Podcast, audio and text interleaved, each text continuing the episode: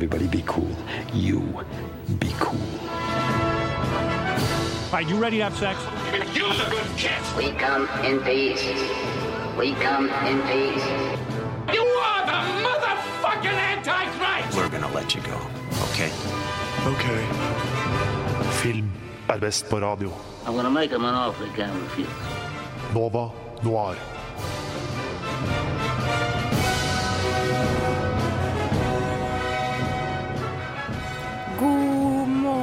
Og velkommen til Nova Noir.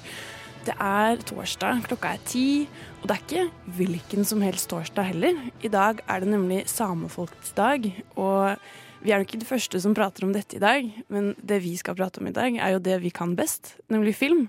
Og da skal vi også snakke om film om samer. Ikke bare det, vi skal også prate litt om nye serier, Ragnarok blant annet, eller andre ting vi gleder oss til. Det er altså en fullpakket sending i vente. Jeg er jo ikke alene, i studio. Jeg heter Ina Sletten, og sammen med meg i dag så har jeg Live Gribakke. Elise Høkås. Og som alltid Ragnhild Bjørlykke på teknikk. Men la oss bare smelle i gang. What? Radio nå. Og da begynner jo vi jo sendingene som alltid. Hva er det dere har sett siden sist? Jeg har eh, begynt å gå på biblioteket fordi jeg er i gang med bachelor, eh, bacheloroppgaven min. Og da har jeg innsett at herregud, man kan jo låne filmer på biblioteket. Har du DVD-spiller? Fantastisk. Ja. Oi. Oi. Det var, Du har ikke PlayStation, liksom? Du har DVD-spiller? Ja, Blu-ray, da. Ja, Blu da. Ja. jeg fikk faktisk eh, bærbart DVD-rom i et julegave av foreldrene mine til jul, så de har også DVD-spiller. Det er noe veldig deilig med å se på DVD-er, så jeg har leid Nei, hva heter det? Jo, lånt heter det. DVD-er. Så jeg lånte mid-90s. Oh, ja. Å ja. Yes. Ja, for de har jo veldig nye ting på biblioteket. Okay. Shout-out Deichmanske Bjerke. Mm. Um, så jeg så Midnighties, for den hadde jeg lyst til å se ganske lenge. Og jeg var uh, imponert. Den er litt kort. Jeg skulle ønske det var litt mer av den. Ja, det skjønner jeg. Um, men den er veldig kul. Handler jo om, um, det er en skatefilm. Det handler om en liten kid som vokser opp uh, på um, Herregud, er det California? Vil jeg si. Ikke siter meg på det. Og, eh, og så har han et litt sånn røft forhold til både moren, som er en alenemor, og broren, som er en eh, en sinna fyr. Um, ja, så han, han finner litt trygghet i de lokale skategutta som driver sånn skatesjappe, og så eh, opplever de ting.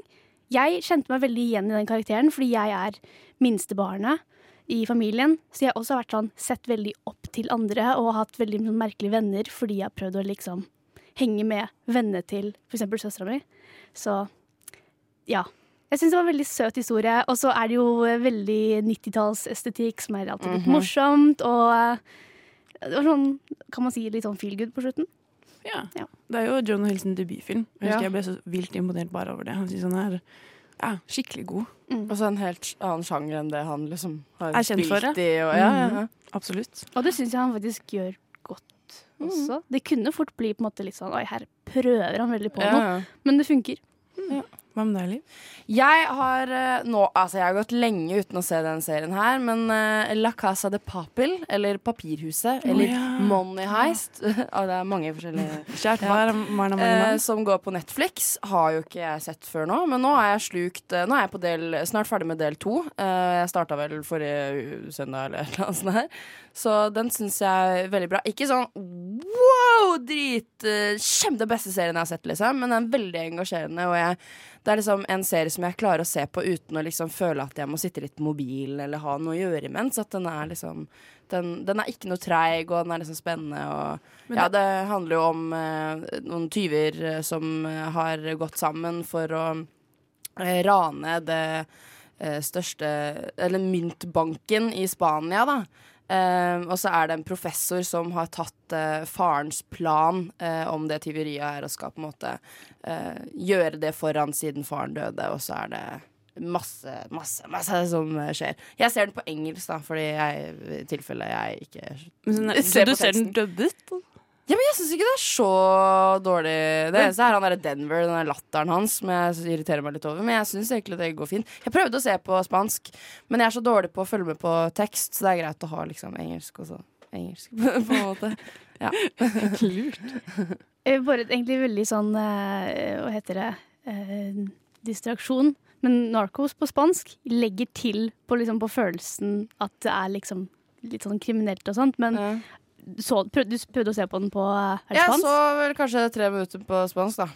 Okay. Men jeg, det, jeg har bare litt vanskelig med å følge med, bare. Så lenge jeg ikke vet hva For da må jeg alltid liksom se på subtitles og Uh, Det er litt dårlig subtitles, egentlig. Fra, for det sier noe helt annet på, på norsk enn det er på engelsk, så jeg aner jo ikke hva de Ja, egentlig sier. det er faktisk et reelt pro problem på mange um, sånne streamingtjenester, hvor tekstingen er jo helt Ja, liksom, sånn «Hæ, hva er det, det er jo ikke det de sier. Men eh, ja, nei, kanskje jeg, skal, kanskje jeg skal prøve å se litt mer på spansk, da.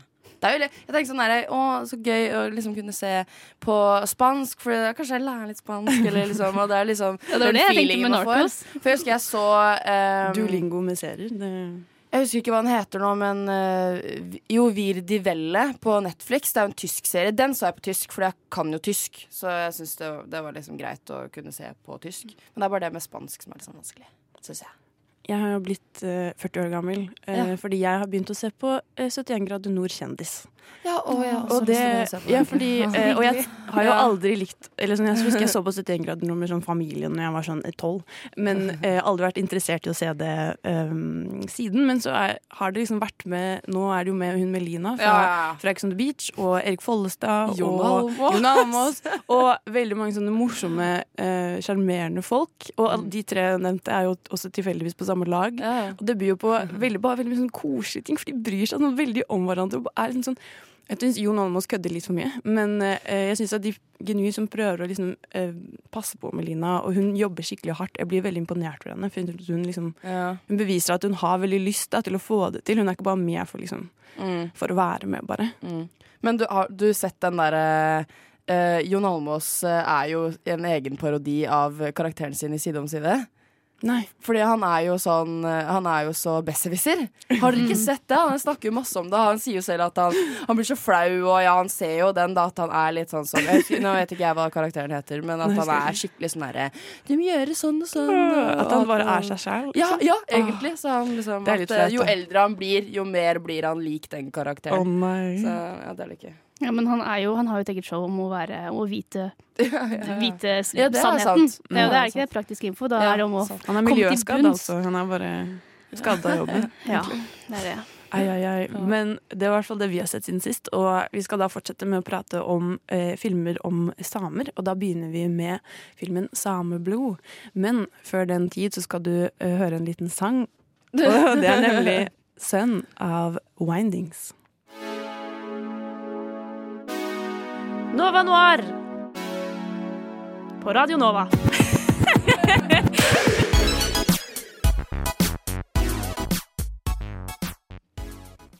Og da skal vi begynne sendingen med å prate om den første eh, samrelaterte filmen, nemlig 'Sameblod'.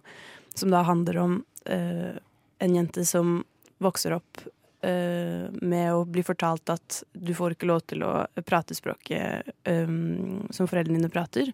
Hun får også vite at hun er ikke er, hun er fra, av en annen rase som ikke er anlagt til å være smarte, og som da er liksom bundet til å måtte leve, som, leve på gård og ikke eh, ønske seg et bedre liv.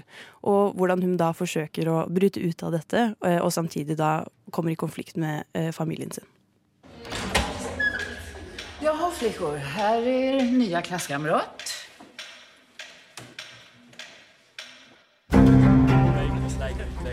Ta tilbake det du sa! Har jeg sagt? Ta tilbake det du sa! Du liker mye lappanja! Titi Sami on kena Mongolka. Dan tahti Sami tätä päälle jirme. Ikki se med miinas ne.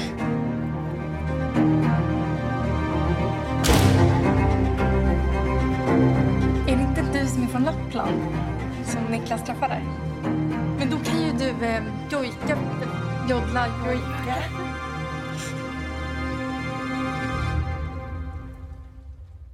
Ja, det handler da om Elle Maria, eh, som som ønsker seg et bedre liv, og som har lyst til å Hun øh, går på skole og er kanskje en av de litt mer øh, flinkisene i klassen. Hun er veldig god på å prate svensk, i motsetning til, til klassekameratene sine, som både i trass øh, syns både er veldig vanskelig, men også har ikke lyst til å slutte å prate øh, sitt eget språk. Og hun får veldig mye skryt av lærerinnen, og er, du er jo eh, Å få lov til å være den, den Når du får besøk av eh, andre høytstående eh, svenske folk, så er det alltid hun som skal presentere og være det første møtet, for hun er den mest oppgående eleven. Men så får hun da i samme sleng høre at For hun har lyst til å fortsette, hun har lyst til å få seg ordentlig utdanning og kanskje bli lærerinne selv. Og da, til og med da, sier de at sånn Nei, men du er jo underutviklet, du kommer jo aldri til å uh, klare det. Uh, og får den, den, slengt litt i ansiktet, da. Og jeg føler at det er en veldig sånn god Eller sånn et godt innblikk da i uh, den systematiseringen av uh, undertrykkelse som skjedde for så mange år siden. Det er en veldig, veldig sånn sårbar og viktig historie. Men nå må jeg innrømme å si at jeg har ikke sett den. Og det er fordi jeg var litt redd for at den var litt for Er det lov å si for trist? Ja, jeg skjønner hva du mener. At det skal bli litt for, for vondt? Ja, litt for vondt på en måte. Fordi jeg, jeg, også har liksom hørt mye om sånne lignende historier som faktisk er eh, helt reelle. Um, og veldig, veldig, fælt at det er sånn også. Men eh, ja. Den er jo plassert på uh, 1930-tallet, uh, og det jeg syns er så vondt med den, er at den, uh, alt som skjer i på en måte er jo ekte. Uh, og den, det, du ser liksom bilder fra bøker som de bruker, og alle de bildene er også ekte. For de pleide å måle hodene, lengde på hodet, lengde på nese, bredde og mellomrom mellom øynene. da og brukte dette til forskning for å bevise hvorfor eh, samer ikke var like smarte eller eh, like godt anlagt da, som eh, svensker og nordmenn. Ja, jeg har jo heller ikke sett den. Men jeg må innrømme at jeg fikk litt lyst til å se den nå, ifølge traileren. Jeg tror det kanskje er en sånn film som jeg liker. Men når jeg ser på bildet av henne nå, skjønner dere litt hva jeg sier når hun ligner litt på Greta Thunberg? Det er jo svensk, ung eller, ja, Nei, men Den fletta på sida og Nei, fra min vinkel så ser det litt sånn Det var det første jeg tenkte på nå. Ja, Hun som spiller, det er da Maidoris ja. Rimpi, som spiller Elle Maria. Og jeg ser nå på en måte assosiasjonen, for hun har disse lange, ja. langbrunt uh, flettet hår. Uh, men, men så er det slik at hun har en søster i filmen også. Uh, og hun også går gjennom det samme, da, på en måte? Eller? Nei, jeg tror søsteren er litt mer um, et, Litt mer sånn familietro. Uh, hun er mye mer sta og mye mer sikker på at hun hun, jo, hun, skjønner jo at det er feil, alt det de driver med. Mens jeg tror at hun, eller Maria, blir veldig påvirket av at hun får Hun får liksom smake litt på det å ikke Uh, hun har lyst til å være noe mer, da, på en måte. Hun har lyst til å være sånn som lærerinnen sin, hun har lyst til å være dannet, og så blir hun litt betatt av en, en svenske som uh, Niklas, da, som er på besøk. Um, og lager dette livet i hodet sitt da, om hvordan det kommer til å være når hun uh, finner han. Så hun drar jo faktisk til um, Jeg husker ikke hvor det er, men hun drar i hvert fall til en slags by da, hvor Niklas bor. Og tror at liksom, nå kan de bo sammen og være eh, sammen for alltid, men det er det jo ikke. Og det, selv om han er veldig søt, så er jo familien hans og vennene hans veldig nedlatende eh, mot, mot hun. Men du snakker om at hun har jo lyst til å fortsette utdanning og eh, måtte gjøre mer viktige ting, men så kommer dette, dette lille kjærlighetsforelskelsen inn mm. i bildet. Eh, nå virka det litt som det kanskje tok over av filmen. Hva syns du? Syns du at det gjorde det, kanskje? Fordi jeg føler ofte at i mange filmer så kan sånn en kjærlighetshistorie bare ta litt over poenget, og også være litt sånn for å fylle et behov, men nødvendigvis ikke være egentlig så viktig. Jeg tror at det er heller et, et sidestykke. Det hun vil, er jo å bli Hun har jo lyst på det hele pakka, da, på en måte. Det å kunne være bare uh, i, i gåseøynene en, en, svensk jente, på en måte. Hun har lyst til å bare leve uh, det livet. Og Niklas kommer heller bare inn som en sånn å tenk om, da. Det blir liksom en sjanse for å få det livet. Han støtter henne, da. Ja, for det er greit at hun drar til hun drar til, til han, mm. og han er ikke hjemme da. Uh, mens moren åpner døra, og hun er bare sånn Kan jeg hjelpe deg? Og hun bare Ja, Niklas sa jeg kunne sove her. Som han ikke har sagt. Eh, og hun blir veldig sånn «Å, ja vel, men OK. Og så slipper han hunden inn, hun får lov til å sove, og så kommer Niklas på kvelden. Og han syns jo at hun er veldig søt, men han er jo også kanskje litt en sånn flørtepus som kanskje bare har syntes at hun var eh, kul akkurat den, den dagen. Og selv om de har et veldig sånn fint fint bånd, så får hun ikke lov til å bo der lenger. Nettopp fordi foreldrene hans er redd for at hun skal bli gravid, og hva som skal skje da. Han er veldig ung, og veldig bekymret for hans sine vegne, da. Så det er mye mer til den bare liksom en liten Ja. flørt. Mm. Men så eh, har jeg sett nå at denne filmen har faktisk vunnet ganske mange priser på Mm. flere filmfestivaler. Ja. Og skuespilleren Lene Cecilia Sparrock vant blant annet beste kvinnelige skuespiller i eh, eller på den internasjonale filmfestivalen i Tokyo. Så de har jo nådd langt. Det at en film um, om svenske samer har nådd helt fram til Tokyo, syns jeg var egentlig veldig kult å, å lese om, i hvert fall. Um, Og det jeg føler filmen gjør, da, den, det handler ikke, liksom, du må ikke være same for å synes at den eh, er rørende og bra. For den snakker egentlig bare om det ønsket om å kunne leve et fritt liv og kunne få lov til å gjøre det man eh, har lyst til, uten at du blir stoppet av helt sånne eh, ubetydelige grunner. Og den taler veldig godt til alle, da, bare som har blitt undertrykt på en eller annen måte. På. Og jeg synes den, jeg ble veldig rørt av den. Den er for det første en veldig vakker film. Den bruker veldig god tid, veldig mye landskapsbilder og veldig duse farger. Og nei, jeg ble bare veldig beroliget, men også veldig ukomfortabel av å se på den. Da er det kanskje en fin film å sette på, eh, på en dag som denne, da, for å liksom minne seg litt på hva som har vært og hva som ikke burde være. For det her er helt håpelig at det har vært eh, så mye undertrykkelse av eh, samer. Vi snakker jo aldri veldig lite om det. Jeg føler det er en ting som eh, Norge skammer seg litt over. Den, jeg husker på, på skolen, på videregående og ungdomsskolen, snakket vi aldri om måten vi behandlet samer på. Og når jeg husker når jeg ble mer opplyst om det i, i senere tid, at jeg var ekstremt sint på at uh, Norge klarte, ikke klarte å eie sin egen forhistorie. Eh, og ja, Derfor syns jeg det er veldig viktig med sånne filmer som det her, som minner oss på at det er ikke så lenge siden Mm. det var så fælt, på en måte. Absolutt. Og at man fortsatt ser spor av det i dag. At man ikke har lyst til å prate språket sitt, og at man ja, eh, skjemmes av det. Så absolutt Samblo er en uh, utrolig god film, og jeg, jeg anbefaler alle å se den. Men da skal vi fortsette. Uh, og da, men før det så skal du høre uh, 'Downtown' av Neil Francis. Hører på Nova Noir. Hey, who do you think you are, anyway? Answer me, or I destroy you! Nå skal vi jo, har vi pratet om litt seriøs film, og jeg tror nå skal vi kanskje over på det litt, eh, litt eh, mindre seriøse, eller hva? Ekstremt useriøst, faktisk. Neste film er 'Kill Buljo' fra 2007. De kom og skjøt meg midt i forlovelseskaffen. Satan, det gjorde vondt. De trodde jeg var død. Jeg var vel faen ikke død.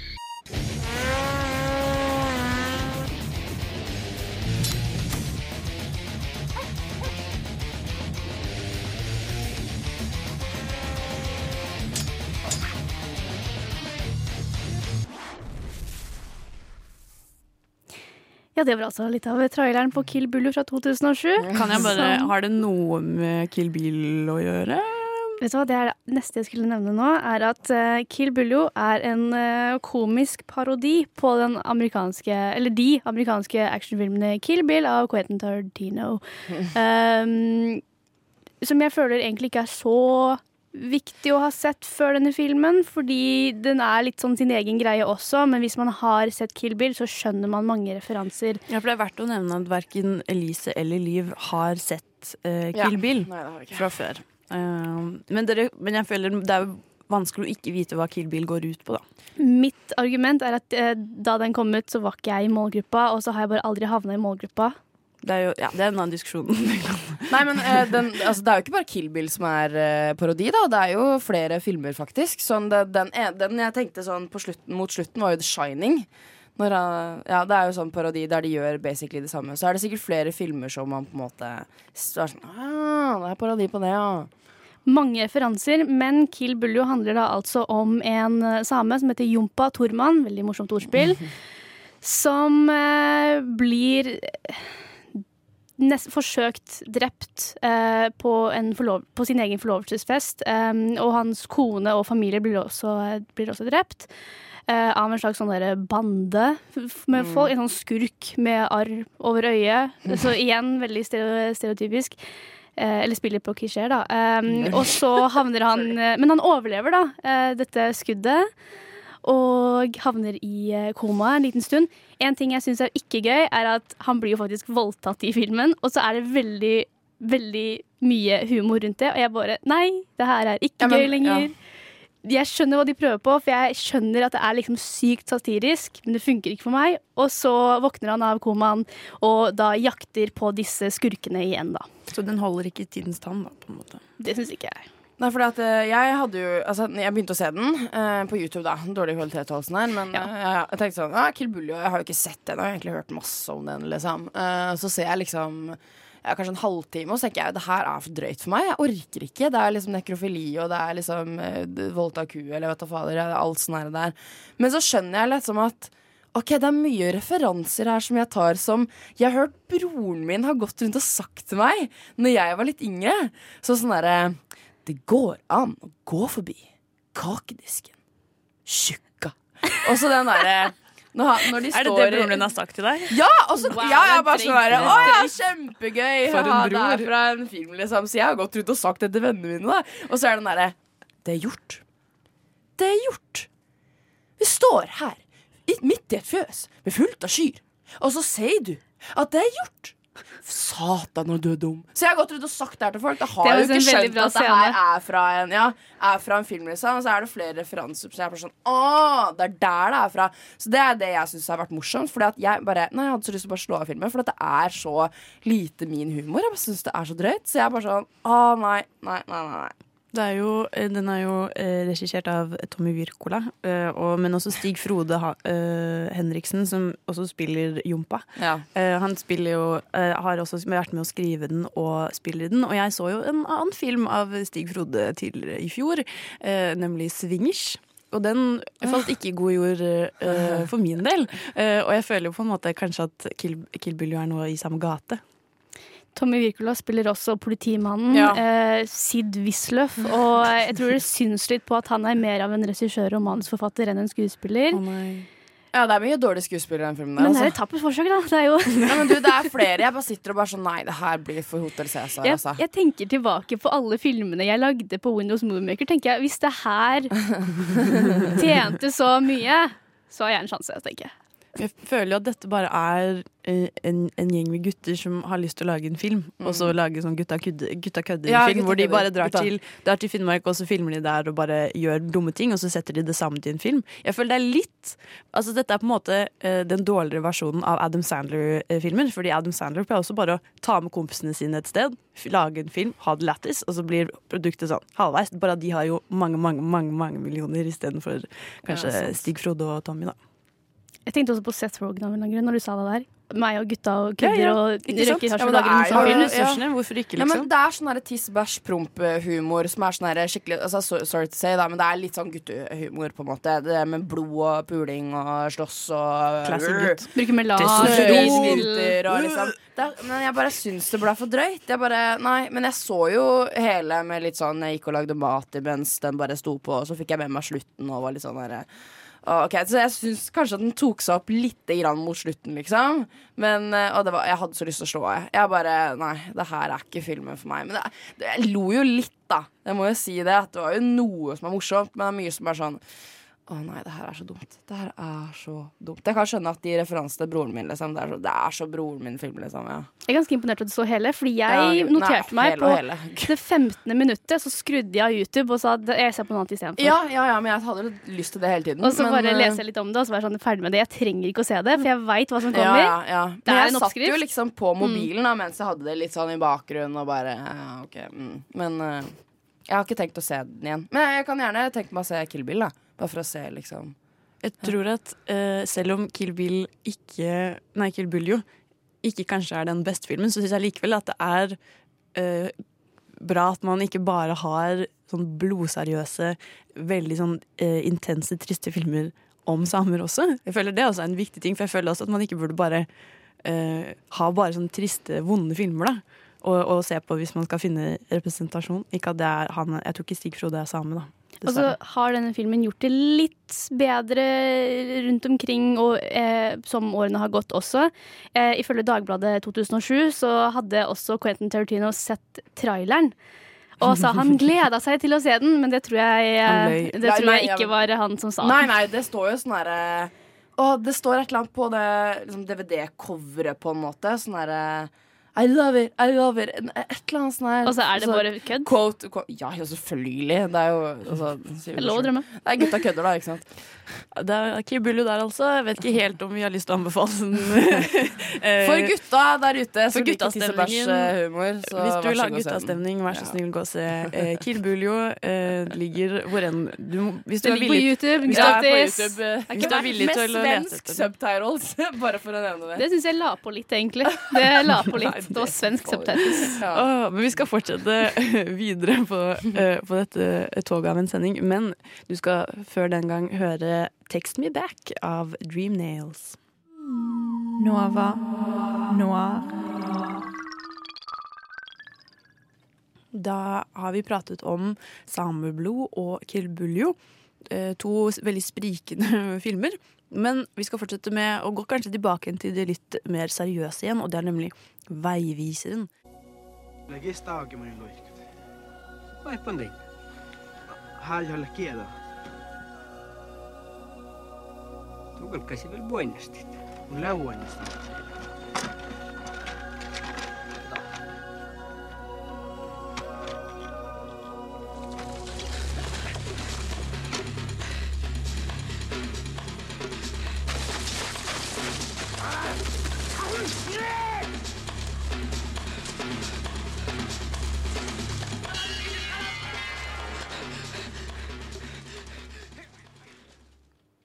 Det er altså eh, Veiviseren, eh, som da handler om at det er jo denne gruppe, en sånn gruppe med banditter som eh, driver og jakter ned eh, en landsby. Og da er det på en måte, blir det på en måte Mikkel Gaup Eigni Eigen, Eigen. Eigen sin, sitt oppdrag å passe på at de ikke finner fram til eh, han- For han mister sin egen familie, og da tar han det på sin kappe og passer på at eh, ikke flere skal bli skadet. Er ikke disse bandittene kalt tjudder? Ja, tjudene. Tjudene. Tjudene. Tjuder. Litt usikker på uttalen der, men TSJ. Tjuder. Ja. Og dette er en film jeg føler alle har sett på uh, ungdomsskolen eller videregående. Ja, ja, jeg tror jeg har sett den, men jeg husker ingenting. Men jeg husker at han liksom sto på én ski og skulle rømme fra disse Ja, Altså. Mikkel Gaup, ja, for at han er jo ganske kjent. Og så er det Nils Gaup som har res regissert 'Djevel i familien'. Også, så. Jeg husker også jeg så den med sånn på barneskolen, som jeg egentlig syns er veldig sånn Oi, tungt å se en så veldig- seriøs Ja, film. ja, akkurat det. Veldig Men eh, film. da rulla det inn TV-en. Det var sånn Ja. back in the day. Ja, ja, ja. og hadde den klar. Og så husker jeg også veldig godt den scenen hvor han eh, eh, flykter på én ski, og det var litt sånn Det er litt sånn stunt, men Akkurat det eh, jeg sa, men ja. OK. ja, men det er, det, er, det er et bilde som sitter igjen, som jeg sånn, tror er litt gøy å huske. Mm. Det er en scene som også er i starten, når, helt i starten, når lillesøsteren hans går i, eh, i skogen, og hun legger merke til at de, den, de bandittene er der. Og jeg husker at jeg, får alltid frysninger når jeg ser det, for hun snur seg, og så ser hun Åh, ut i nei, den hvitskogen, og så står det bare masse sånn sorte skikkelser. Ja. Og bare stiller på henne. Og jeg, bare, jeg får alltid sånn helt sånn hver, hver gang jeg ser den scenen, for den, den stikker skikkelig. Og det er noe jeg konstant er redd for når jeg går i skogen. At sånn, nå kommer jeg til å snu meg, så står det noen og ser på meg. Men det er kanskje litt rart sånn eh, Det er kanskje en film som egentlig burde blitt vist på TV-en, typ? Eller jeg vet ikke. Kanskje den blir vist på TV-en i dag? For at den er jo ganske kjent, jeg føler som alle har sett den. Og i tillegg så er det jo eh, den første samiskspråklige filmen som, eh, ble, som noensinne ble produsert. Så den er jo ganske stor sånn i forhold til eh, en film Jeg vet ikke om flere har sett Kautokeino-opprøret, på en måte. Men eh, ja, sånn som jeg, altså, den, er jo, ja, den er jo ganske gammel. Sånn som jeg ser jo ikke på gamle filmer, på en måte. Men eh, jeg husker den jo litt. Men ja, det er jo gøy da at, man, på en måte, liksom er den første. Jeg er veldig enig i at det her, på en måte, den burde på en måte gå litt på TV og bli en på en måte, tradisjon. Fordi den er ganske altså Jeg ser for meg alt annet som er sånn tradisjoner på TV. I hvert fall sånn juletider og sånn. Så ser man Ja, jo Mange ganger har vi ikke sett uh, Hva heter det? Prinsessen og nøtten og sånt. Prinsessen og nøtten? Askep, de tre nøtter til Askepott. Hvor mange ganger har ikke vi sett den, liksom? Kan vi ikke sette på Veiviseren istedenfor? Det her er forslag til uh, TV. Vet du Norsk TV. Vi, vi beholder Tre nøtter til Askepott på julaften, så skal vi heller se Veiviseren på eh, Første. Nasjonaldagen til samene i Ja, dag. kanskje det. 5. februar. Ja. Det er forslaget vårt. Det er vår, ja. Eh, Det jeg liker veldig godt med den filmen her også, den er jo, den, det er jo litt dialog, men jeg føler at uh, du, det er jo en veldig stille film med veldig intens musikk, som dere hørte i det lille klippet. Mm. Uh, men den spiller veldig mye på disse uh, langtrakte scenene, og at du liksom skal kjenne litt på den stemningen. Sånn som når han eh, Dette med skien, da, at han liksom, du ser at han, Mm. ok, den holder på, holder på å skli. Ja, ja. Og, du, Spenning, og det skjer liksom. sånn nesten, og så klarer han å ta den Ja. litt, og så skjer det igjen. Og, og det synes jeg er veldig Jeg husker jeg ble veldig imponert av å se den sånn nå, for jeg føler sånn spenning er liksom en ting man har um, fått til i film mye bedre nå i, med årene, på en måte. Uh, Mm. og at jeg, ikke at 80-tallet er dritlenge siden, på en måte, men nå fikk det så høre som at jeg var eh, eh, vel et lite barn. Men uh, i hvert fall at jeg bare syns det var et utrolig god sånn fokus på spenning, da. En annen ting som er gøy, er, den er jo spilt inn på Finnmarksvidda. Og en liten fun fact. Den aller første innspillingsdagen så var det 47 minusgrader. Ouch. Tenk da. Det er jo i Kautokeino, liksom. Det er jo, og der er det jo ganske kaldt. Og Jeg syns fem minus er jævlig. og-. Ja, men 47, det, fin- det går jo ikke an at det blir 47. Altså, da er du på Antarktis, liksom. Det er jo egentlig helt sjukt. Men det her var jo i gamle dager, da, så det var jo sikkert veldig kaldt da, men eh, ja. Men det tenkte jeg på at alle mennene har jo masse skjegg, men de er jo helt full, av istapper. Ja, for det er jo så kaldt. Ja. Og så tenker jeg først sånn, Men er det da fordi man ikke gidder å bruke Eller sånn man ikke har uh, hals eller skjerf, alle disse tingene, at man bruker da skjegget som en måte å holde seg varm på? Men det må jo bli veldig kaldt, det også. At det liksom er istapper i ansiktet ditt, på en måte. Ja, for at det, det, på grunn av at det var så kaldt, så var det jo ganske vanskelig å filme. Eh, de hadde jo fått stuntmennene fra den siste James Bond-filmen, blant annet. De snudde på flyplassen. For at det, det bare Nei, det, Det mye. går ikke, liksom. Så ja, de satt jo liksom eh, Ja, det, eller, eller så var de fleste skuespillerne samer, da. Så det var liksom amatørskuespillere. Men ja, det er litt kult at de, liksom, at de faktisk er samer. Det, ja, sånn som Mikkel Gaup, da. Han er jo liksom naturlig derfra. Så da blir det sånn Det blir så ja, hva heter det? Det blir så Ja, samme det. Mm. Men sånn som alle, alle filmer, så blir disse jo eh, amerikanisert. Så eh, Veiviseren har jo Ja. blitt eh, spilt inn Nils, eh, Nei, men- har jo blitt spilt inn på amerikansk også. Ja, men- og vil dere vite hva eh, Det her står det uh, A Viking boy is Nei, left behind after his går clan battles a native American tribe. Ikke det samme. Raised within the tribe, he ultimately becomes their savior in the fight against the Norsemen. De skal alltid hæ? komme her og komme an. her og bare ødelegge. Nei, så, og da, han, da var jo eh, Nils Gaup også skribent, da. Eller han, han Ja. skrev Å, manuset ja. på, Rart. på, til, til den filmen. Ja. Og jeg bare føler det er sånn eh, klassisk sånn USA. Sånn, å, den, den var bra, den ble Oscar-nominert. Kanskje vi skal Ja. prøve å gjøre det? Kanskje en gang til? Men da er jeg veldig glad for at den originale med samiske skuespillere var den som ble nominert, og ikke denne remaken. Ja. At det er faktisk den som får eh, Nå vil jeg si recognition. Anerkjennelse. Er det. Yes. ja. Mm. Det er noe med det. Troverdighet var det jeg skulle si i stad. At den er troverdig. Ja, ja, eh, Vokabularet mitt. Jeg har litt slag iblant, skjønner du.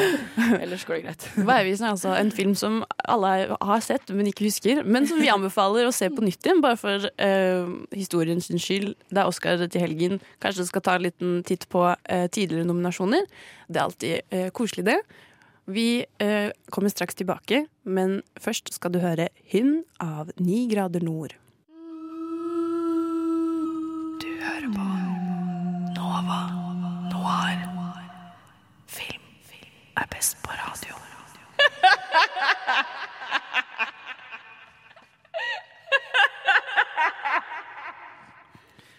Nå skal vi vi- Det er fortsatt nå, nå er det som du hører på lufta. Jeg, det er fortsatt Ina, Liv og Elise som sitter her og prater om filmer om eh, samer. Og nå har vi kommet til eh, den siste filmen eh, som vi skal prate om med dette temaet. Og det er en Netflix-animasjonsfilm. Det er nemlig Klaus, som er ganske ny. Den kom ut nå eh, Nå holder på å si i år. 2019. Oi! eh, Og er faktisk en spansk-animert julefilm. Hey, what do you guys think you're doing? This is Smearensburg, the unhappiest place on earth. And you two can't change that. The postman and toy maker are brainwashing everyone! We need to show people that a true selfless act always sparks another. Hi! What's happening right now? Oh no. Holy mother! What happened? Not a word. You just sit there, be all magical and awesome.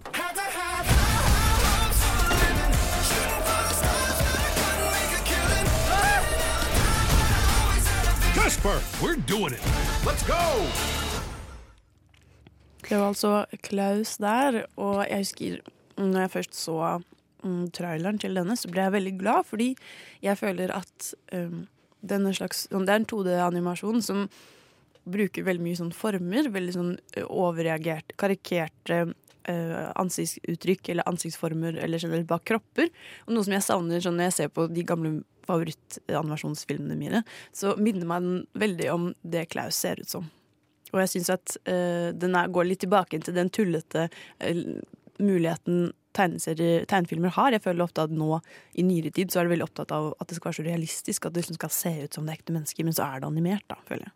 Det er en veldig god video på YouTube. Nå husker jeg ikke helt hvem som la det ut, men den heter i hvert fall Klaus From 3D to 2D Animation. Hvis du Mm. ser den, så ser jeg den, for den var veldig informativ og veldig morsom på Eller ikke morsom, men jo, informativ på hvordan de liksom faktisk eh, har laga den. Men Klaus handler da om eh, en gutt som er sønn av en eh, postmanngeneral. Eh, denne gutten heter altså Jesper, og han er ganske lat og bortskjemt fordi denne postmanngeneralen er liksom kongen av posten. Høres veldig liksom slitt ut, men han er, han er, han er big guy. Eh, så han gir da sønnen sin et oppdrag om å bli postmann for en by som heter Smirensburg.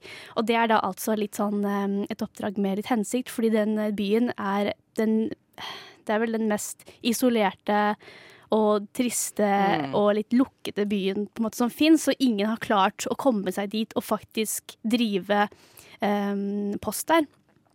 Han tar da det oppdraget og møter en kar som er en sånn eh, håndverker som lager leker. og Han heter Klaus. Der har vi tittelen. Uh, og de blir da gode venner, og han eh, lager en ordning hvor hvis barn skriver brev til han, så han får bedrift, så lager uh, kompisen hans Klaus leker til dem. Og derav kommer liksom tradisjonen med å skrive ønskelister. Eh, og da møter vi annet barn som er samiske, og det er jo derfor vi har med filmen i dag, fordi jeg personlig i hvert fall syns at det var en veldig fin framstilling av veldig søte samiske barn, for det første. Og at det ikke var på en måte så stort poeng. Det var ikke sånn wow, nå har vi med eh, eh, litt sånn uh, nå holdt jeg på å si urfolk. Eh, men ja, eh, nå har vi med litt spennende folk, men det er på en måte bare fordi det er der de er. De er um, Smirensburg er basert på eh, en by i Svalbard. Eh, som, ja, det er funksjon, da, men det er på en måte litt eh, der. Så det er jo i området. Så det er jo naturlig. Det var en veldig fin måte å inkorporere samisk kultur på, da. Ja, og jeg føler at det er eh, Ja, som du sier, at det bare er, hun er bare tilfeldig. Det er hun- denne lille jenta da, som fortsatt driver og dukker opp uh, på, uh, utenfor døren til han uh, postmannen. Og hun prater jo et språk han ikke forstår, så han er bare sånn Går det bra med deg? Kan jeg hjelpe deg? Og så ender opp med at man finner ut hvor de bor, da, og eh, hjelper de med eh, å lage en sånn liten slede. Og det, ja, det er bare veldig, eh, en veldig fin måte å framstille det på. Det å ha bare en liten sånn rolle midt inni der.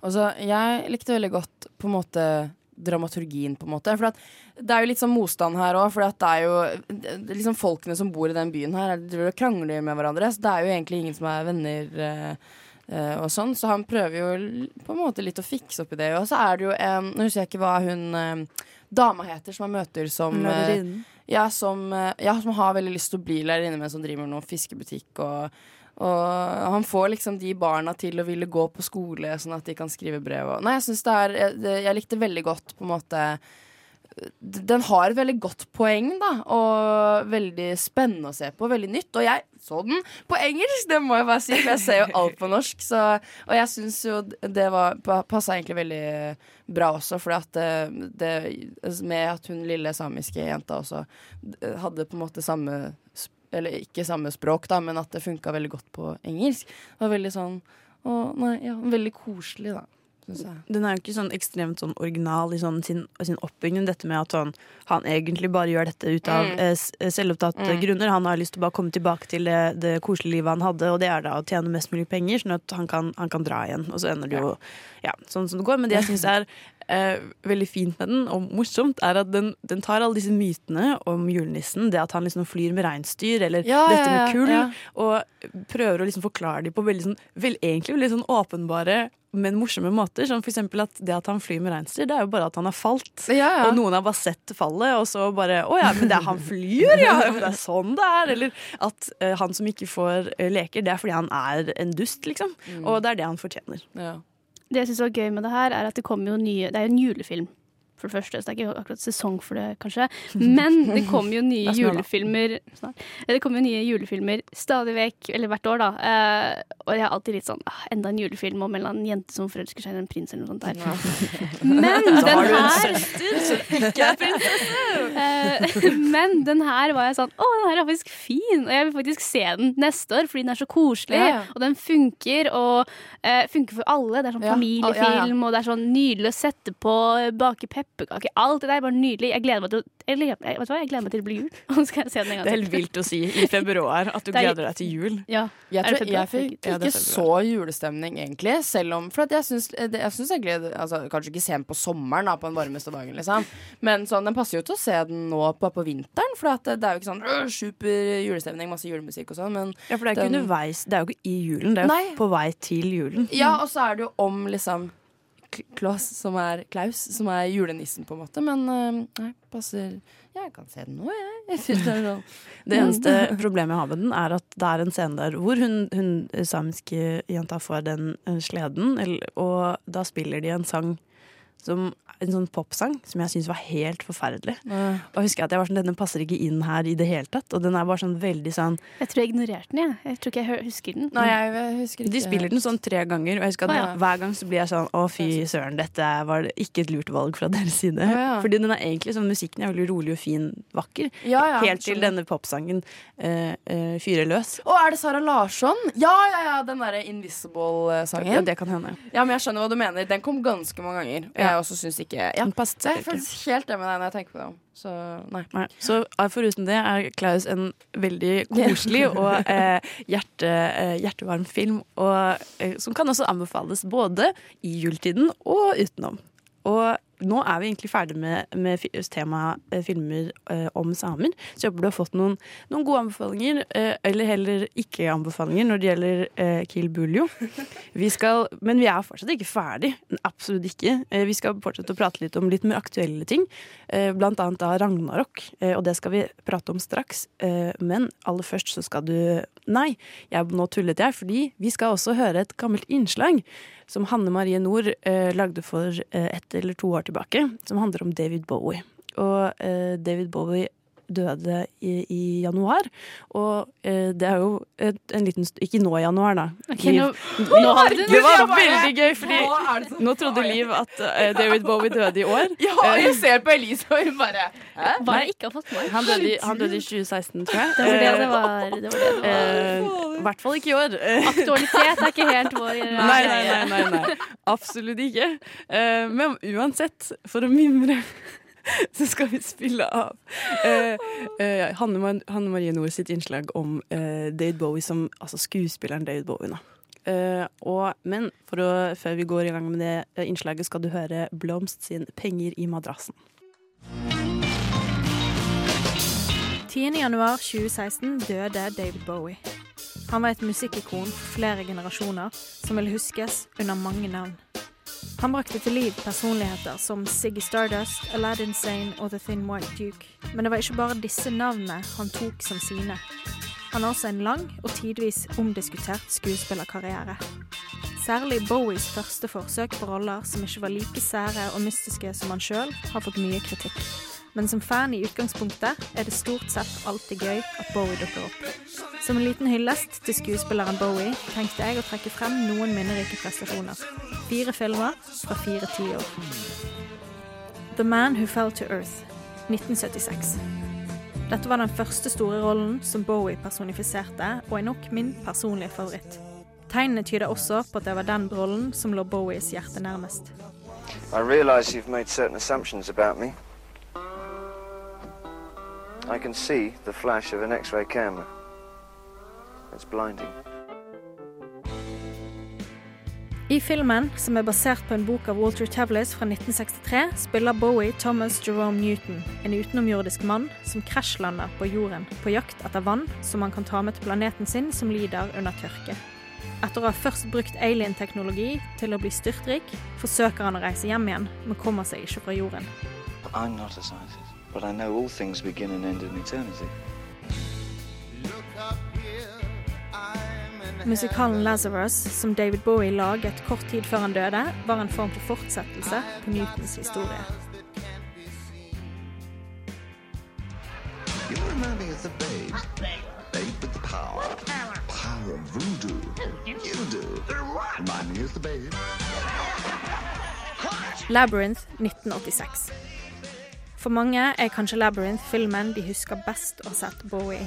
Han spiller Jareth, den merkelige, syngende gnompongen som kidnapper et lite barn og lar søsteren prøve seg på en skummel labyrint for å redde lillebroren sin tilbake.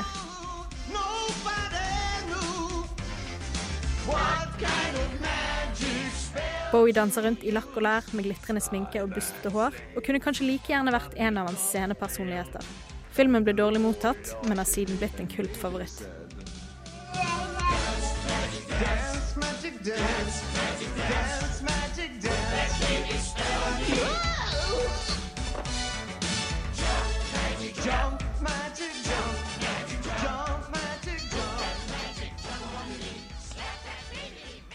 Baskia 1996. En rolle Bowie faktisk fikk mye ros for, var da han spilte den eksentriske Andy Warhol i Basquiat. Filmen om New York-kunstneren Jean-Michel Basquiats liv. That's just not true, Jean. I mean, you phoned me at four in the... What are you doing? You're painting out everything I do. Til denne rollen fikk Bowie låne Warhols ekte parykk, ellers spilte han kanskje stort sett bare seg sjøl. Det får være opp til øyet som ser. Både leken og merkelig var han i hvert fall. Og mange som kjente Warhol personlig, skal ha satt pris på Bowies arbeid med rollen. Oh, that's great. System with just the M. I can't even see what's good anymore. Hang on my wall. Andy Warhol, silver screen. Can't tell them apart at all. The Prestige 2006. So, this is the great Denton. Mr. Ellie has effused about your acting on any number of occasions. Her spiller David Bowie Nikola Tesla. Regissøren av filmen, Christopher Nolan, har sjøl sagt at han sleit med å finne en rett skuespiller til denne rollen, men at da tanken slo han om at Nikola Tesla på mange måter var den opprinnelige Man Who Fell to Earth, skjønte han at ingen ville passe så bra til rollen som David Bowie. Bowie sa først nei, og Nolan måtte trygle helt til han fikk et ja. You're familiar with the phrase, man's reach exceeds his grasp. Is a lie. Man's grasp exceeds his nerve. Society only tolerates one change at a time. Her er det altså nok av filmer å ta en titt på om du er som meg og sørger litt ekstra over en svunnen alien i disse tider.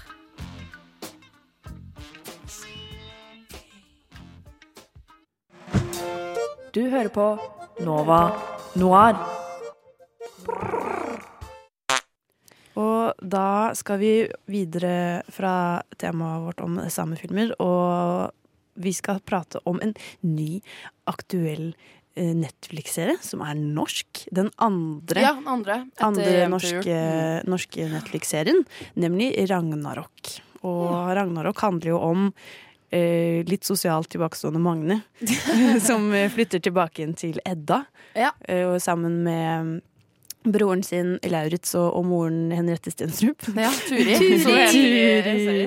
Og når, mens, men med en gang han setter fot eh, innenfor eh, sin, sin hjemby, så begynner eh, rare ting å skje. Du har alltid hatt det inni deg. Jeg har bare åpnet øynene dine.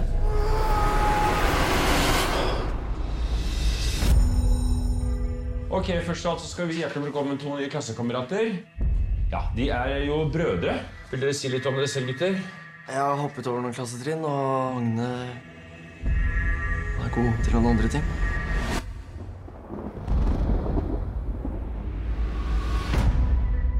Det føles som at alt har forandret seg etter at jeg kom til Edda.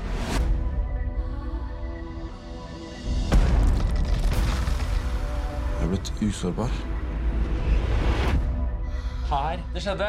Den siste kampen mellom gudene og gjettene. Men hvem var gjettene? Ja, hvem var gjettene? Jeg har gleda meg egentlig ganske lenge til å se den serien her. Den har jo vært litt sånn i vinden i det siste.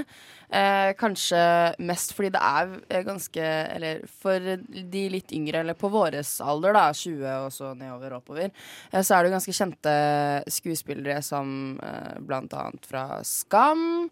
Og eh, Amundsen er han eh, som spiller Lauritz fra. Og Heimebane. Eh, og Heimebane, Emma Bones. Eh, så det er Det var det første som på en måte var sånn OK, den her skal jeg se, på en måte, for her er det veldig mange kjente. Eh, og så er det jo filma i Ja, altså på Vestlandet, da. Som I er Odda? I Odda. Som er ja, sykt fint. Så man får veldig mye sånn norsk natur. Og jeg syns det er veldig kult at det er på en måte Netflix-ferie Netflix-serie som er spilt inn på det man kan kalle veldig norsk eh, område. Da. Sånn at hvis utenlandske folk eh, ser den, så får du jo veldig godt inntrykk av eh, Norge. Og så handler det jo om norrøn mytologi. Eh, jeg syns egentlig det er veldig spennende, men så er det jo litt det med at det, det, det er jo veldig Altså det er mye effekter ute og går, da. Det, det er jo litt, eh, for å si det sånn, eh, litt for meget for min del som ikke er så glad i å på en måte se eh, Vampire Diaries, eller hva man kan på en måte Det er mye, det er mye øyesminke her, altså. ja, det er, det, er, det er mye greier. Um, Kontaktlinser. Men jeg har jo sett eh, alle seks episodene. Ja, for det er bare seks episoder. Husker jeg at Ja. det var litt sånn Ja, det er for lite. Jeg, altså, det, vi- det, hvis det ikke kommer en sesong to, så skjønner jeg ingenting. Fordi at det, det Jeg skal ikke spoile noe, men det, det, det her er en serie som trenger på en måte Mer. eh, ja, den trenger mer etter den siste. Det er interessant at du sier det, fordi jeg har sett én episode, Ja. veldig lite. Men jeg tenkte Fikk nok, du. nei, nei, jeg ville se mer. Jeg, bare, jeg, jeg hadde andre ting å gjøre. Nei, men jeg så én episode, bare for å liksom varme, bli litt varm i trøya. Og jeg tenkte fordi For meg var det et par problemer. Uh, de er på Vestlandet, men alle snakker østlandsk. Ja, det er så jævlig rart. Et annet- Og de som har dialekt, snakker- eller sånn, har en annen dialekt, de har Ja. ikke vestlandsdialekt, tror jeg. Og så tenkte jeg, og så syns jeg det er litt for flatt til å begynne med. Det er litt sånn hun er populær, hun er ikke populær. Hun, har, hun som er miljøaktivist, hun har blått hår. Ja, og han sånn kule, han eh, eh, Herman, ja. Herman Tømmerås er en kul, kjekk fyr som er samme karakteren han spilte i Skam. Så det er litt sånn litt flatt. så jeg har lyst til å se litt mer eh, karakterutvikling og litt mer dybde i disse folka her. Nå har jo ikke jeg sett noe mer, men det har du. Ja, nå, det er jo det jeg Altså, dere har sett Riverdale, ikke sant? Jeg, Jeg føler det er prøvde. litt sånn Riverdale-aktig, fordi det, det er jo ikke direkte bra, men det er et eller annet som gjør at du får lyst til å se, og jeg lurer på om det liksom er karakterene, eller i hvert fall skuespillerne, fordi at Karakterene syns jeg egentlig er ganske interessante. Men vi har f.eks. Gry, da, som spilles av Emma Bones. Eh, og eh, som eh, ikke er noe interessert i fjor, da, som spilles av Herman Tømmerås. Men han er interessert i henne. Men det kommer aldri noen grunn til hvorfor eh, sånn og sånn. Så det er, liksom, det er noen knagger som, eh, som jeg må henge ting på, som ikke er der. Og det ødelegger litt for min del. Jeg føler jo på en måte at dette er det norske svaret på, på Riverdale, nettopp fordi det er veldig dramatisk. Og det er liksom disse Du plasserer jo eh, eh, mennesker som ser ut som de er 25, i roller som eh, eh, 17-åringer. Ja. Eh, og så later du som at de går på videregående, og så er det bare Så blander du da inn I Riverdale så er jo dette mordmysteriene og alt sammen, Mm. men her er det da disse norrøne tendensene av, av guder og, og eh, jotner og alle disse eh, overnaturlige tingene.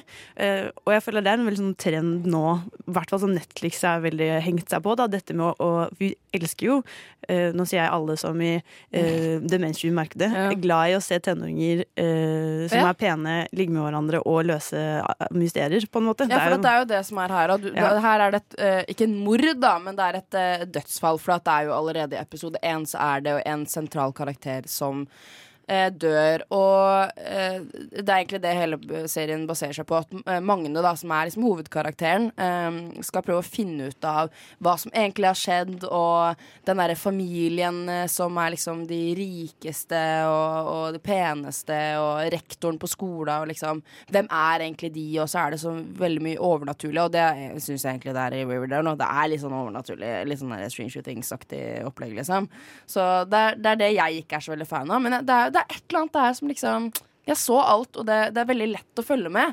Det er ikke noe treigt, syns jeg, selv om du Elise mener at det er liksom flatt og sånn. For det er det. Det er ikke så mye som henger på greip eh, alltid. Og så er det den dialogen som er veldig ikke Altså veldig langt ifra skam-dialog, for eksempel, da, som er mye sånn impro og veldig naturlig. Her er det veldig sånn Du sier setningen din, og så ferdig, på en måte. Men det er interessant, fordi jeg, igjen, jeg har jo sett episode én, som ofte Ja. er litt lite å ta i, på en måte. Men da serien starter med um, en sang av M83 som heter Midnight City, som jeg har fått ekstremt mange nostalgiske Ja, ja. minner Ja, ja, med. ja, det var det første jeg tenkte på, Og da tenkte jeg dette kan jeg like. Dette Ja, kan jeg være inn. Dette her er litt sånn gøy. Og så har de flere M83-låter senere, og jeg bare, vet du hva, jeg, er, jeg tror jeg liker det. Selv om jeg ikke helt syns at manuset er helt på greip, så har jeg litt lyst til å se videre, egentlig. faktisk. Jeg, på playlisten min på Spotify nå Så hører jeg bare på sanger som er fra serien. Er veld, så det er veldig bra soundtrack, det syns jeg. Og øh, ganske greit og ganske greit lagd og sånn. Så den skal jeg si meg enig i, altså. Det, ja. Eh, Når vi snakker om soundtrack, eh, hun som spiller Saksa, er det vel? Eh, Teresa Sonja fra ja. Skam, ja. Hun er jo også eh, musiker, og har også eh, Ja, laget riktig. sang til eh, soundtracket til serien. Nå har jeg ikke kommet så langt at jeg har hørt det, men Nei. jeg gleder meg også til å se mer av det, for jeg tror faktisk jeg har vært på konsert med henne her på Nøff. Det har jeg, nå kom jeg på det. Hun har spilt her, spilte her i fjor en gang. Eh, lite sånn søtt eh, publikum, og det var så fint. Så jeg er sånn Jeg syns det er fint Ja, at hun ja. som en ung norsk artist får vise seg fram i en serie som faktisk eh, blir eh, laget med Netflix. Det er jo veldig gøy for oss norske her. Ja, hun synger ganske ofte i serien også. som Ja. nasjonalsangen og ja, et eller annet. Hun er liksom typisk den derre pene Queen Bee-karakteren som alltid Og så er det jo dattera av rektoren, så hun, hun står jo veldig fram og på en måte Men det er én ting som eh, det er litt sånn um, åh, Hvordan skal jeg si det her uten å prøve å spoile? Men Saksa syns jeg er en uh, interessant karakter. Fordi uh, nå er det jo sånn at det er jo en uh, homofil karakter i, i filmen. Men så eh, Og det kunne vært en veldig interessant eh, Hva heter det for noe? Interaksjon, på en måte, mellom de to karakterene.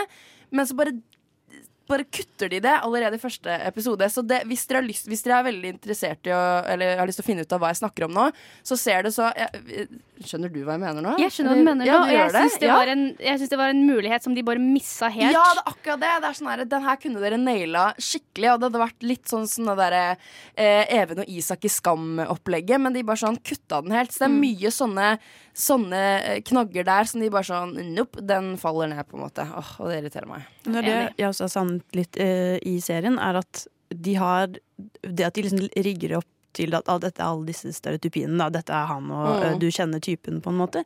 Og det jeg har likt veldig godt med filmer sånn som Booksmart, som kom ut i fjor, er at den også bruker disse eh, klisjeene, men så knuser de de i samme øyeblikk. At det er sånn, du, du kjenner typen, men du gjør egentlig ikke det.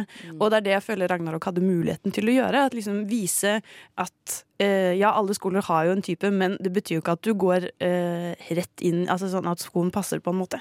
Og ja, det er jo en av mulighetene de på en måte mister, da.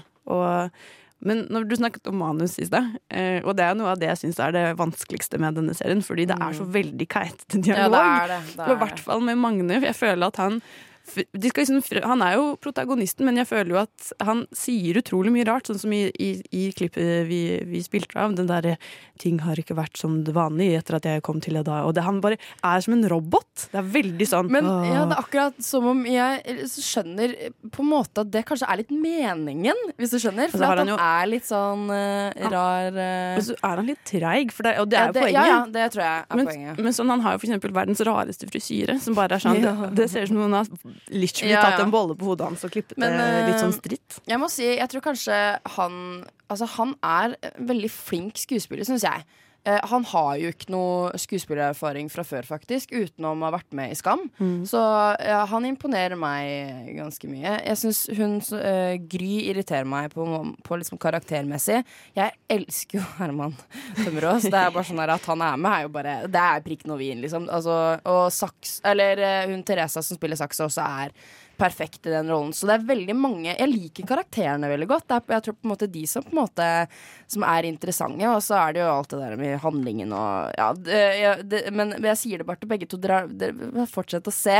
Så, jeg vil se mer, egentlig. Fordi jeg, jeg syns ikke det var dårlig, men det var ikke sånn sjukt bra, liksom. Men det er interessant nok til at det er en norsk Netflix-serie, og, og jeg vil ha en sesong to. Så. Det var bare en ting jeg syntes var veldig morsomt, Ja. og det er at han Jonas Strand Gravli Han spiller jo lillebroren til Magne. Ja, jeg vet det. Og Ja. Magne, Mm. han er jo sånn Han som spiller Magne, er jo sånn Ok, kanskje sånn 22 eller noe. Men Jonas Strand Gravli er 27 år gammel. Å ja, nei! Han er jo Er han ikke det?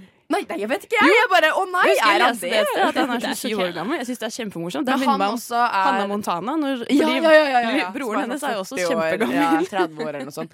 Men jeg, jeg må poengtere fram han også, for han er bare hilarious, faktisk. Han er, uh, han er jo kanskje en av mine favoritter i serien, faktisk. Jeg har et igjen, kun en episode igjen, men jeg har et litt sånn svakt punkt for uh, Henriette Stenstrup. Altså Ja, hun Turi. ja. elsker jeg. Hver gang hun kommer på skjermen, så blir jeg så glad. Jeg Men, bare, og den ja. fantastiske moren, liksom. Men det som er, så, uh, det som er veldig uh, fint å se nå, er at hun, hun spiller jo som regel litt sånn humoristiske karakterer, liksom. Men her er hun så seriøs og veldig sånn Veldig god, da. Veldig god mor og og nei, hun også er Ja, hun fikk jeg veldig godt inntrykk av, i hvert fall i serien. Hun passer veldig, veldig, veldig bra. Men altså Ragnarok der, en serie kom på fredag, eller forrige fredag. Ja. Så den er eh, rykende fersk, og det er bare å eh, sjekke den ut. Vi har i hvert fall litt delte meninger, men Liv har håp. Liv har troa. Det kommer Ja, på en måte. En sesong to er, det er noe vi ønsker oss. Eh, og vi, det er jo mye eh, bra norsk som har kommet eh, det siste året. Og eh, selv om det er Oscar-utdeling nå natt til mandag, så er det jo også norske utdelinger. Og da blant annet Kanonprisen. Og Kanonprisen sin nominasjoner kom ut eh, tidligere denne uken, og det skal vi se litt nærmere på. Men eh, du skal først få lov til å høre eh, Show Me Low av Sami. Nova Noir. Og nå skal vi prate om eh, Kanonprisen, som er en av de gjeveste norske eh, filmutdelingene vi har eh, her til lands. Og eh, vi, det ble annonsert hvem som er nominert til de forskjellige prisene eh, denne uken. Og jeg husker ikke helt når er det Kanonprisen går av stabelen, egentlig, Liv? Eh, den skal eh, bli delt ut på eh, en internasjonal filmfestival i Trondheim som heter Kosmorama, som er andre til eh, eh, 8. mars 2020, altså. Ja. Ja. og det som er så spesielt med den prisen her, er jo at det er filmbransjens egen prisutdeling. Så de på en måte eh, Ja, de blir hedra av sine egne, da, på en måte. Så det er ikke liksom folket eller noe sånt som eh, bestemmer det. Det er medlemmer av filmbransjens eh, fagforbund som stemmer frem eh, kollegaer, da.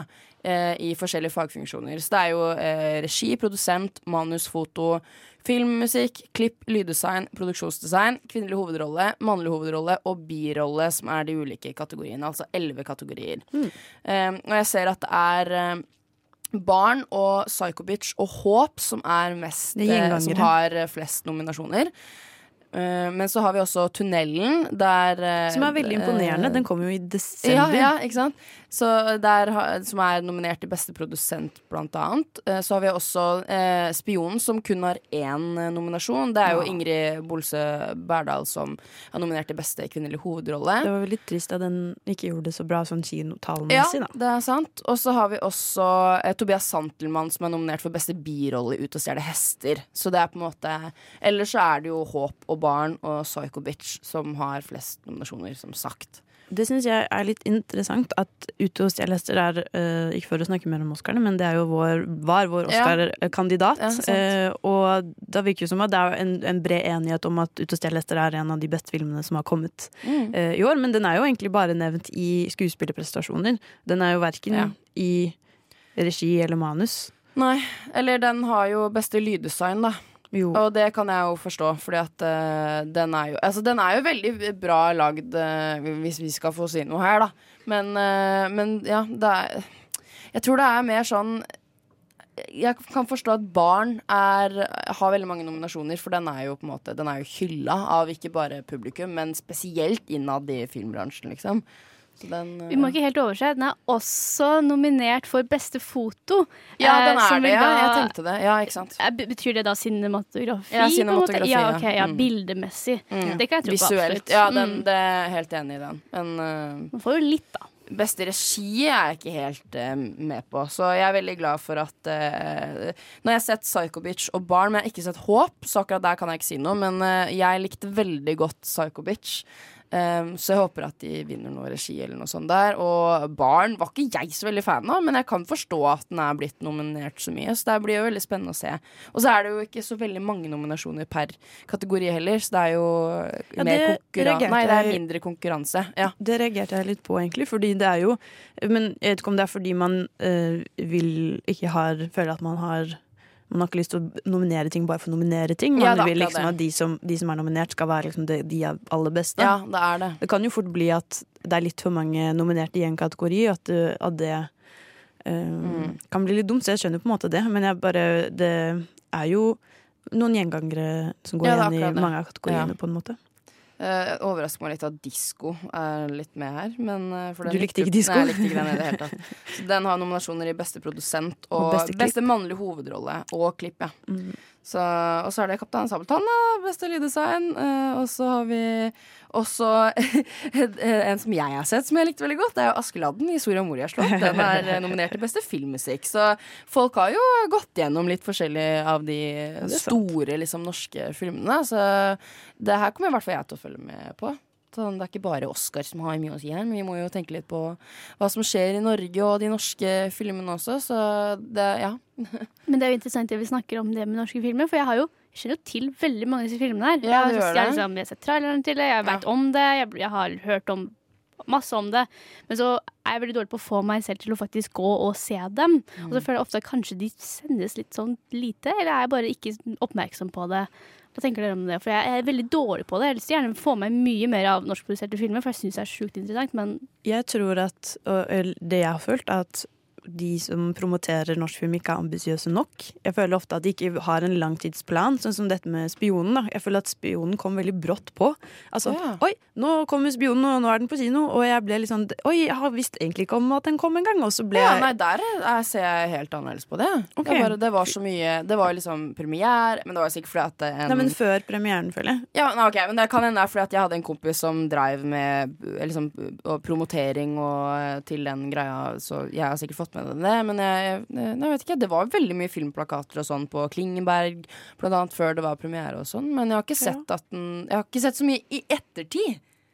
så jeg vet ikke. Det var kanskje på grunn av jeg de så den jo på pressevisning, så ja, det kan hende. Men det er jo interessant med oss som f.eks. har venner som er litt mer i bransjen. Kanskje noen har jobba på filmen som vi kjenner godt, og sånne ting. Men for resten av befolkningen Alle kjenner jo ikke en skuespiller eller en produsent eller en regi- regissør. Så det er jo på en måte hvor langt når de egentlig med eh, mange folk. Jeg for min del så var spionen noe som fløy litt forbi, og så på en måte rakk jeg den ikke.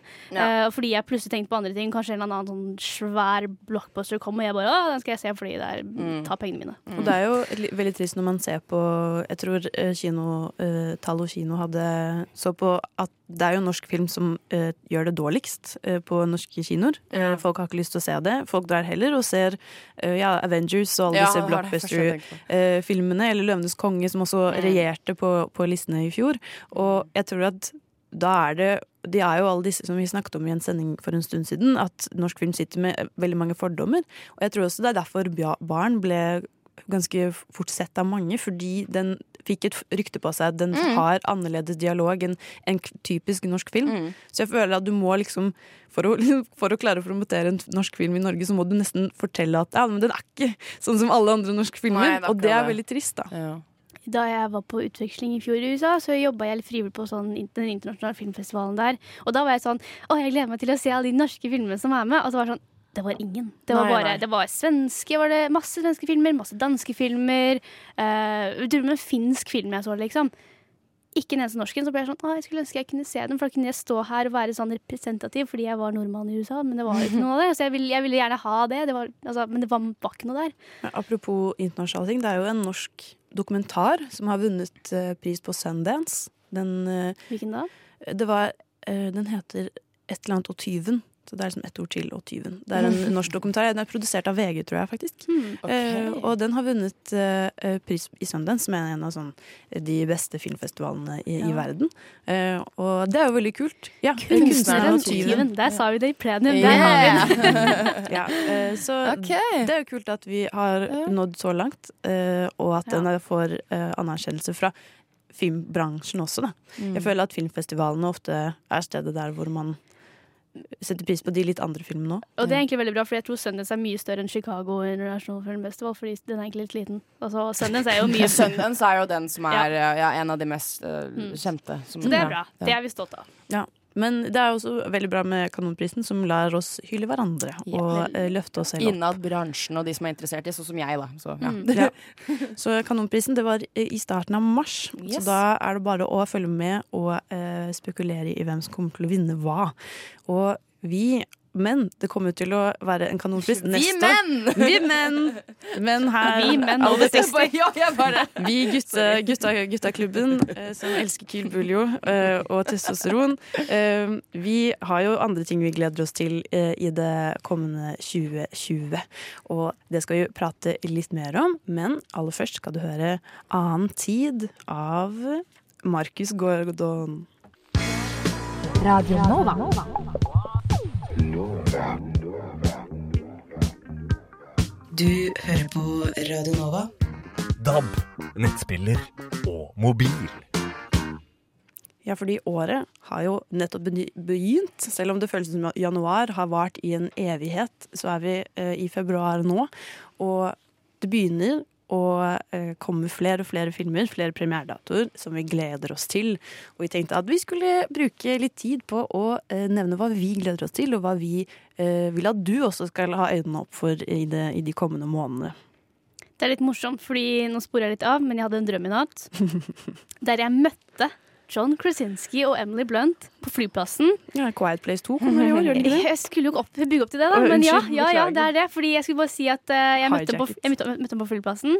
Flyet mitt krasja, men de overlevde, og det er fordi de er ute med en ny film. De skal ut med A De fortjente å overleve, men ikke du. De fortjente å overleve for å få um, den premieren unnagjort. A Quiet Place 2, part 2 heter den, eh, kommer ut i år. Litt usikker på når. men I mars står det her. 18. mars i um, India. det er vel der de starter, vel. Det er jo like greit. Men ja, det er jo i hvert fall eh, eh, oppfølgeren Den fortsetter. da. Det er ikke en oppfølger. Men, Men det handler jo Fordi det her er litt komplisert, fordi hvis man har sett The Quiet Place, så vet man hva som skjer. Så jeg syns det var litt interessant at det kom en toer, for liksom, historien slutta litt. Så derfor tenkte jeg nå er det kanskje en, eh, en oppfølger, men det er faktisk en etterfølger. Jeg tror okay. at eh, Brannfakkel Jeg vil- ville ikke at det skulle komme en fortsettelse. Hva? Jeg syns at den hadde vært okay. Men var du, var du en av de som var på team um, Hva heter den Sandra Bullock? Nei, jeg har eh, ikke sett Bird Box. Ok, Fordi den tok ideen fra Quiet Place. Ja. John Krasinski skrev det manuset. Nei! Nei. nå kommer jeg inn her. Nei, jeg likte Bird Box mye bedre enn A Quiet Place. Nei! Ja, jo, jo, jo. Men ikke interessert i denne diskusjonen. Jeg syns bare at A Quiet Place uh, hadde vært mye bedre om den bare endte der. At det, liksom, det var det, og det at det var et innblikk i dette lille universet, Ja, og så var vi ferdig med det. Men jeg er også spent på hva toeren blir. Jeg, Ja, ja. jeg sier ikke at jeg elsker den, fordi jeg har ikke sett den, men jeg er spent på at den kommer nå i år. Jeg tror jeg tenker å se den, ja. Mm. Men hva er det du gleder deg til siden du Nei, altså. Eh, nå på neste onsdag så kommer jo oppfølgeren til Eller etterfølgeren? Nei, det blir faktisk Etterfølgeren. Fortsettelsen. Til fortsettelsen på eh, All the Boys I Loved Before. Så nå heter den eh, Så den toeren heter To All the Boys, PS I Still Love You.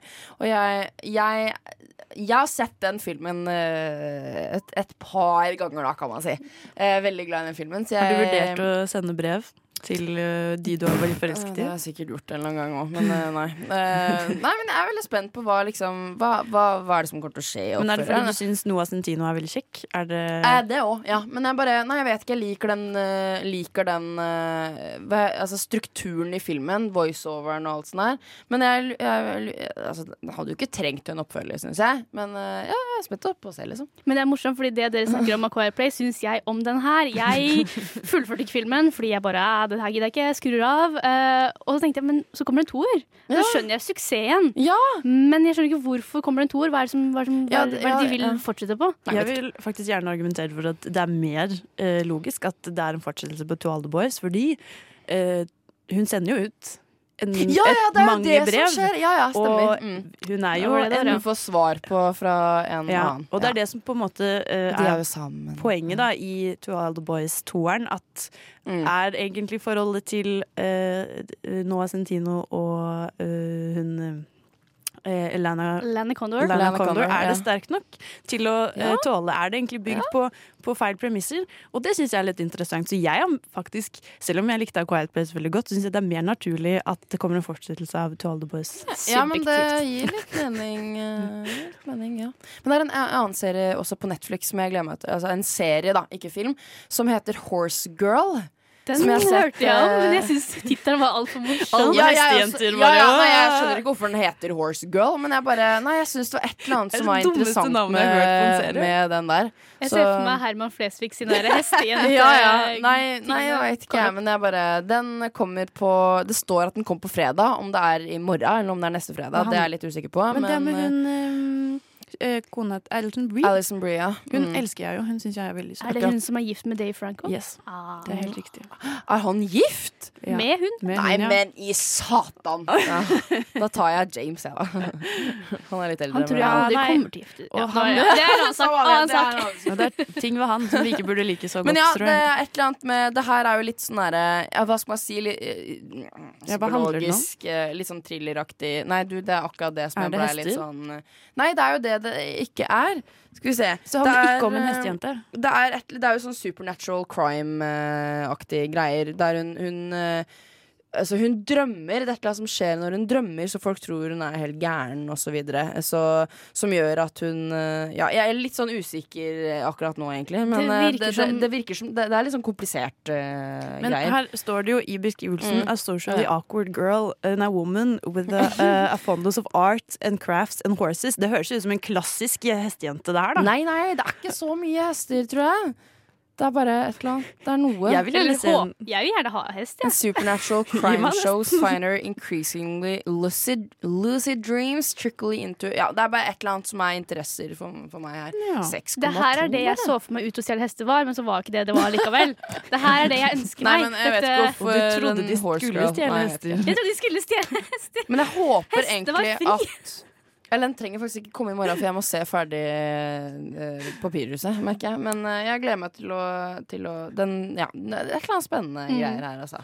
Det må jeg si. Mye Men- på agendaen, men hva med deg, Ina? Ja, uh, jo, altså jeg, jeg er jo nettopp Nå har jo nettopp bloggerne begynt igjen, så jeg kommer jo til å fortsette å se på det en periode. Men det er jo, apropos norske filmer, så kommer i februar kommer uh, André Øvredal sin 'Torden', som er en amerikansk slash norsk, produsert film eh, om, også om norrøn ja, mytologi. det overrasker meg ikke. Tror jeg. Og det er jo jeg. litt kult. eh, At det, dette som vi snakket om da med Ragnarok, at det stadig blir mer eh, populært å, å prate om. Har norrøn mytolo- mytro- oi, Norr- norrøn mytologi blitt litt trendy? Er det, er det nå vi skal begynne å gå med, med pels eller Da egentlig kan jeg ganske mye om norrøn mytologi, for jeg jobba på et sted som het Gordarike, der det er liksom om Thor og, og Frøy og Frøya og alt sånt der. Så jeg syns egentlig det er veldig interessant. Så syns det er litt gøy at det er blitt eh, Men hvorfor det er blitt trendy, vet jeg ikke. Er det noe som har skjedd nå i det siste? Som jeg Er det noe vi ikke har fått med oss? Vi er jo Ja, glad i, ja, man er jo glad i, i Norge. Er vi bare blitt veldig, veldig nordmenn nå? At vi bare skal Vi har bare ta alltid over vært det. Jeg tror at vi har gått, Mm. Nå har vi skjønt at Mm. Jeg tror at etter Spionen så skjønte vi at sånne krigshelter ikke er så spennende lenger. Nei, det er Sånn, ok. Hva er det annet andre vi Eh, har? litt Jo, sånn det er norrøn mytologi. Enten krigshelter eller norrøn Men mytologi. jeg Norrøn mytologi og så alt sånn derre Askeladden, alle de historiene, sånn Ja. troll og sånn, det syns jeg er Altså eventyr. Sånn no norsk eventyr og Jeg, jeg trenger en live action av Karius Baktus eller et eller annet sånt. Jeg, Jeg- syns det er så interessant. På trass av at jeg er veldig redd for ting, så har jeg egentlig lyst til å se en, en ordentlig film om Huldra. Ja, eller Nøkken. Ja, eller et eller Nøkken, annet fy søren. For det er jo dritekkelt. Ja, det er det, men det er sikkert, det er sikkert kjempespennende, da. Det er jo også veldig sånn norsk. Mhm. Tror folk hadde hatt lyst til å se det. Og kanskje det hadde blitt litt sånn internasjonalt òg, for det er jo veldig sånn typisk sånn norsk eh, eventyraktig som man leser i, i sånne eventyrbøker, og hele verden vet jo at det er nøkken finnes i Norge. Eller, Mhm. jeg vet ikke. Og troll, da. Troll. Troll er kult, jeg hadde sett det. Og hekser. og- Nei, kanskje ikke hekser. Det har vi altfor mye. Men eh, i hvert fall, det er mye å glede seg til uh, framover, både norsk og uh, internasjonalt. Oh, ja. uh, og vi i Nova Noir står klare med åpne armer for å ta de imot, og enten elske de eller hate de, eh, sammen med deg, kjære lytter. Og snart Nå har vi jo vært her siden ti, og det begynner å nærme seg slutten på ukas sending. Men vi er ikke helt ferdige ennå. Vi aller først skal du få lov til å høre Loop av Ivan Ave.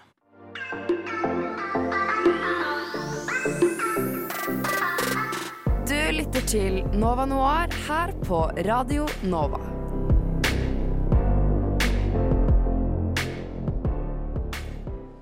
Ja, da er vi ferdig med dagens og ukens eh, sending eh, her eh, på Radio Nova i Nova Noir. Nå sitter jeg, Liv og Elise igjen, fordi Ina måtte løpe til en forelesning her. Men det går fint, fordi vi er jo ferdig uansett. Vi Skole er viktig. Skole er viktig, og vi også må vel ture hvert øyeblikk. Men vi skal oppsummere hva vi har snakket litt om i dag. Det er jo samenes nasjonaldag i dag, så vi har snakket litt om eh, noen samiske filmer, blant annet Sameblod, Kilbuljo og Veiviseren, som vi alle anbefaler utenom Kilbuljo, kanskje. For de med guttastemning kan gjerne ta en titt på den, om de ikke har gjort det. Det ble litt mye fjasehumor, og man ser Ja. veldig at den er fra 2007, Ja, selv om det ikke det trenger å være negativt. Men vi snakka også om en veldig koselig en, Klaus. Ja, det Som- er jo ikke bare julefilm, men Ja, eh, alle vinterfilm, på en måte. Som har en liten sameunge. Så den er jo også veldig relevant. Vi har også tatt turen innom eh, Ragnarok, som er en veldig, veldig, veldig ny serie. Eh, Jeg har sett alt, og syns at du som hører på nå, kan ja, ta en liten titt.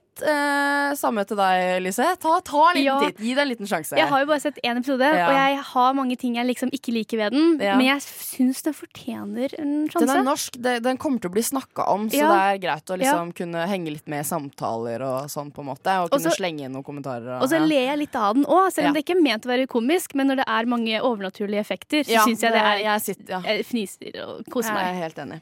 Vi har også eh, snakket om Kanonprisen, som finner sted på Trondheim eh, internasjonale filmfestival eh, i begynnelsen av mars. Der de skal dele ut eh, litt forskjellige priser til eh, ganske kjente norske filmer fra det siste året, som blant annet Psycho Bitch, Håp, eh, Disko, Ut og ser det hester og Barn, som eh, er anbefalt. Og så har vi snakket litt om hva vi gleder oss til Mm. som kommer, både av norskt og mm, amerikansk. eh, Ja, det var si, vel det. Den siste var Ja. Så eh, det, det var egentlig det, det vi har snakket om i, i dag. Eh, men vi er tilbake neste torsdag fra 10 til 12. Jeg er Liv Ingrid Bakke, og med meg så har jeg hatt Ina Sletten og Elise Høkås. Og Ragnhild Bjørlykke på tekniker. Følg oss på Instagram, og uh, hør på forrige sendinger om du har lyst på litt mer uh, filmsnakk uh, i løpet av helga, f.eks. Takk for i dag, og vi snakkes. Ha det God bra. torsdag. God torsdag.